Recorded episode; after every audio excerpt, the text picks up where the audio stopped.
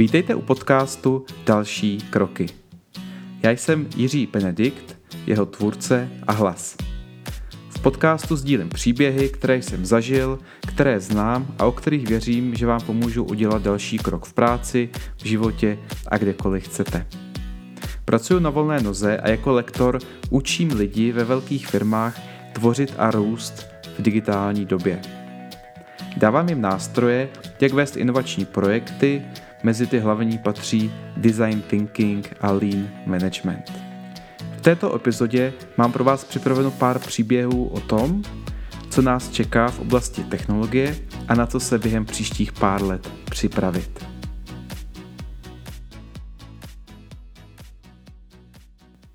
DARPA je americká agentura pro výzkumné projekty, která spadá pod ministerstvo obrany. Existuje už od 60. let a stála za vznikem třeba předchůdce dnešního internetu. V roce 2004 DARPA vypsala soutěž pro autonomní vozidla. Přihlásilo se několik týmů univerzit společně s firmami a investovali do vývoje těchto vozidel desítky milionů dolarů. Soutěž se konala v Americe v Mohavské poušti a trať měla 240 kilometrů. Žádné z vozidel tuto trať nepřekonalo. Nejlepší a vítězné vozidlo z Univerzity Carnegie Mellon dokázalo z této trati urazit pouhých 11,7 km, než se zaseklo.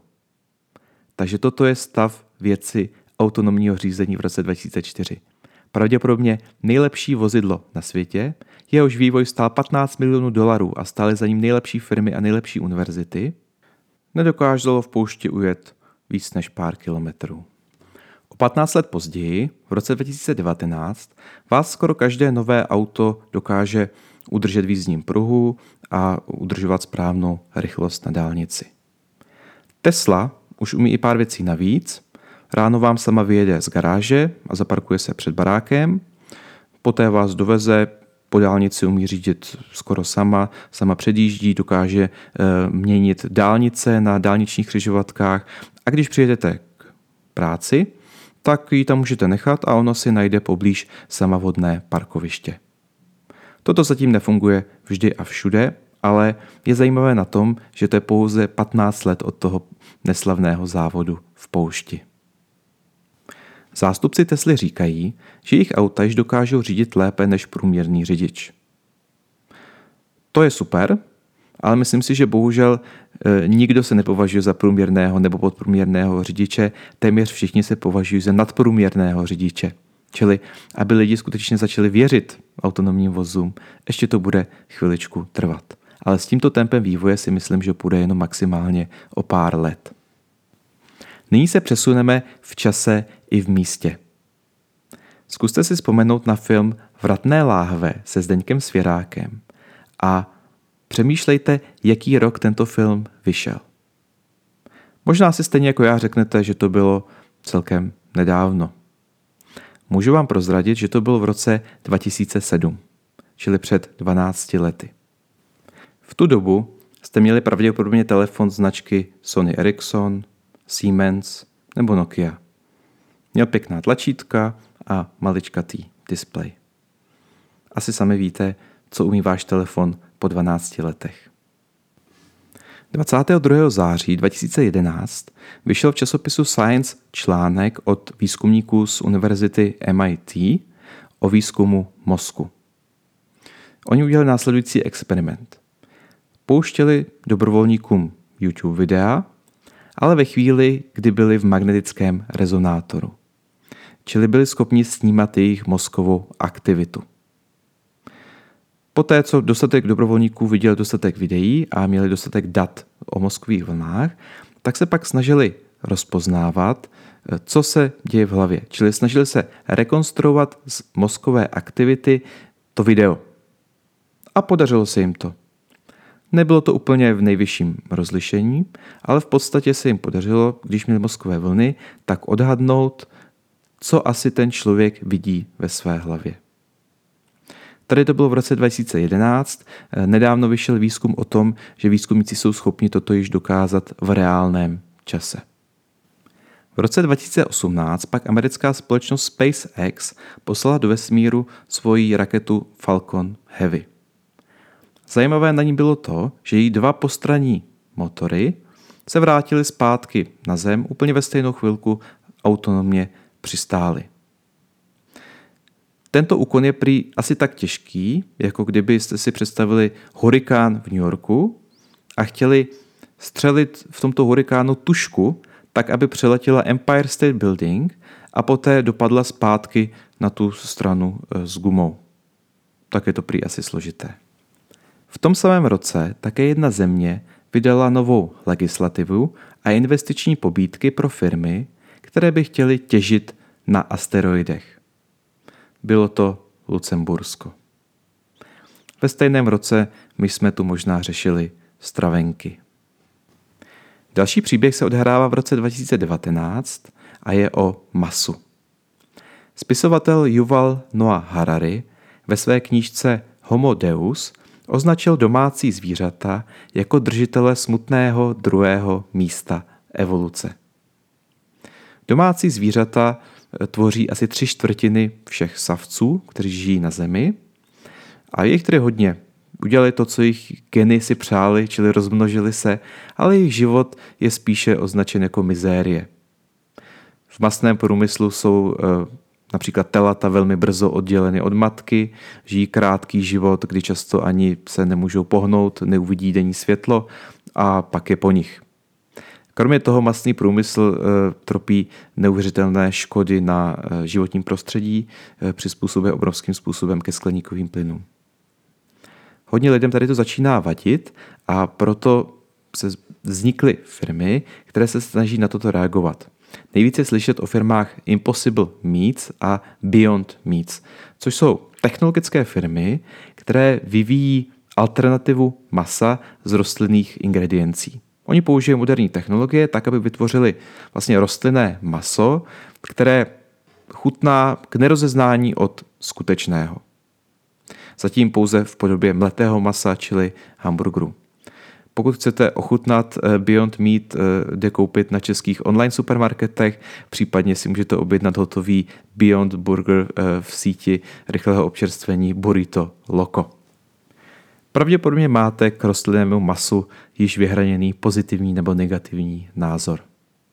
Možná je to skutečně nějaký výstřelek, který po chvíli zase zmizí. Možná to změní to, jak miliardy lidí jedí. To ještě nevíme, takovéhle věci se lépe ukazují zpětně. Každopádně může se to vyvíjet mnohem rychleji, než nyní čekáme. Pojďme se nyní podívat na příběh, který nám ukáže, jak je možné, že některé technologie tak rychle a zásadně změnily svět. Pojďme se přesunout zpátky do roku 2007, kdy vyšel ten film Vratné láve, o kterém jsme již mluvili, a zároveň také tento rok vyšel první iPhone.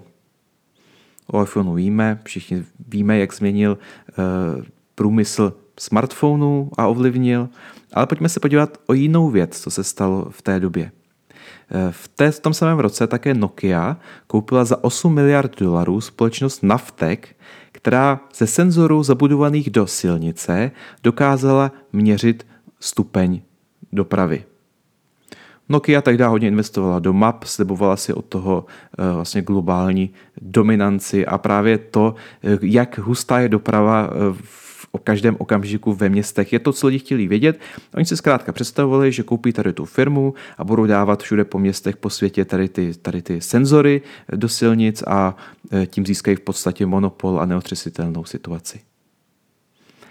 Bohužel pro ně ve stejný měsíc vznikla v Izraeli malá společnost, která dokázala to samé, ale jenom sledování pohybů mobilů. Tuto společnost všichni znáte, jmenuje se Waze, později koupil Google, no a Navtek i Nokia šli velmi rychle k zemi. Podívejme se nyní na sektor ubytování. Tam dlouho platilo, když chcete růst, musíte stavět hotely. Či víc máte hotelů, tím víc máte hostů, tím víc máte obrat a musíte investovat a existuje nějaké tempo, jakým jste schopni ty hotely stavět. Takhle tomu všichni věřili a velké mezinárodní hotelové řetězce se proto příliš nestrachovali o to, že by někdo mohl disruptovat jejich biznis. Než přišel Airbnb. I v retailovém bankovnictví dlouhou dobu platilo to samé. Banky měly obrovskou infrastrukturu, drahé systémy a tak se nebáli, že by někdo přišel a začal by jen tak nabízet karty či účty. Dneska banky ohrožuje eh, firma Revolut, která nabízí bankovní kartu účet zdarma, eh, platby na účty kamkoliv zdarma po světě a také hlavně konverzi měn zdarma. Což mě třeba šetří eh, tisíce korun ročně. Někteří odborníci z bankovnictví mi říkají, že toto nemá budoucnost a že, že to je jenom slepá cesta, ale těžko říct, těžko říct, jak je to možné, že ale Revolut je schopný nabízet tyto věci téměř zdarma, když banky musí mít velké poplatky a velké náklady? Je to proto, že když se podíváte, tak průměrné náklady na IT jenom na uživatele v banky v Americe je zhruba 200 dolarů za rok. Jo, čili když banka vezme všechny svoje IT náklady a rozdělí to na jednotlivé uživatele, musí zaplatit 200 dolarů a tady to musí pokrýt ze svých zisků.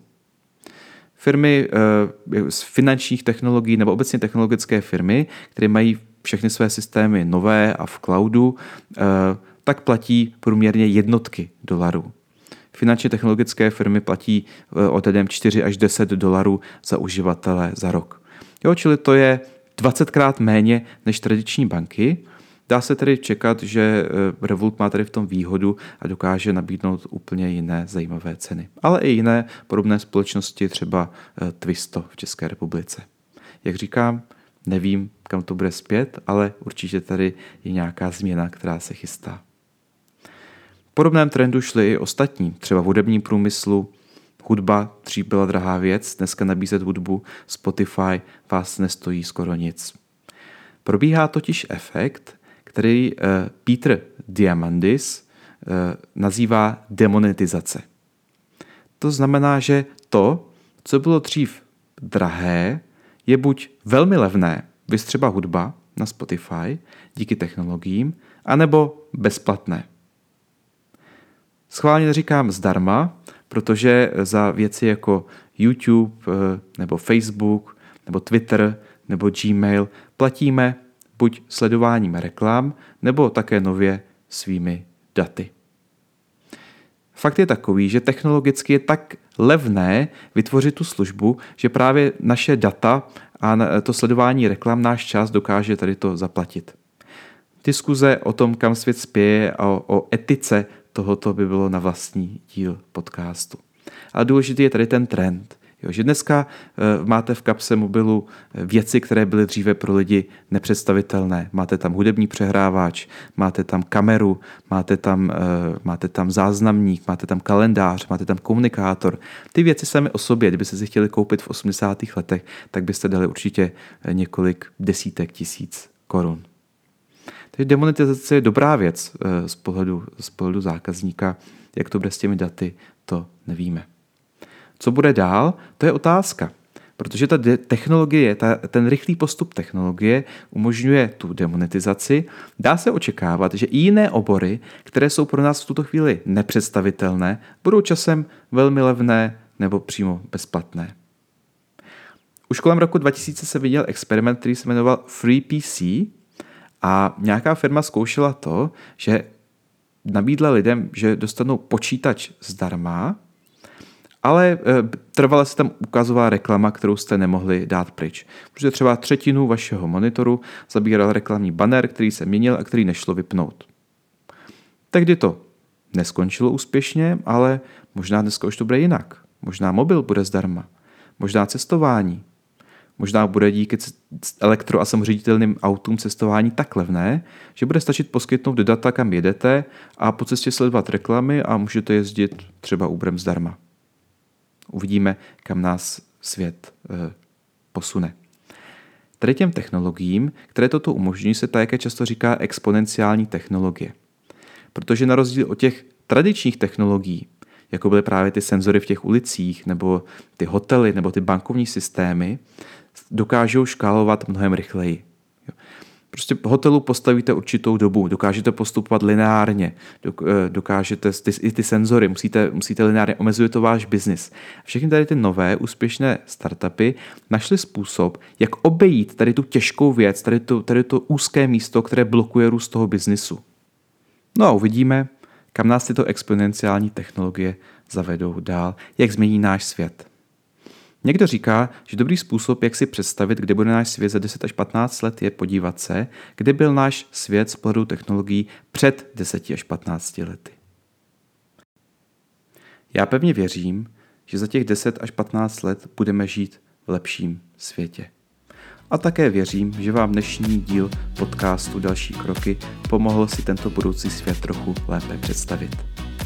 Já jsem Jiří Benedikt a těším se na vás u další epizody podcastu Další kroky.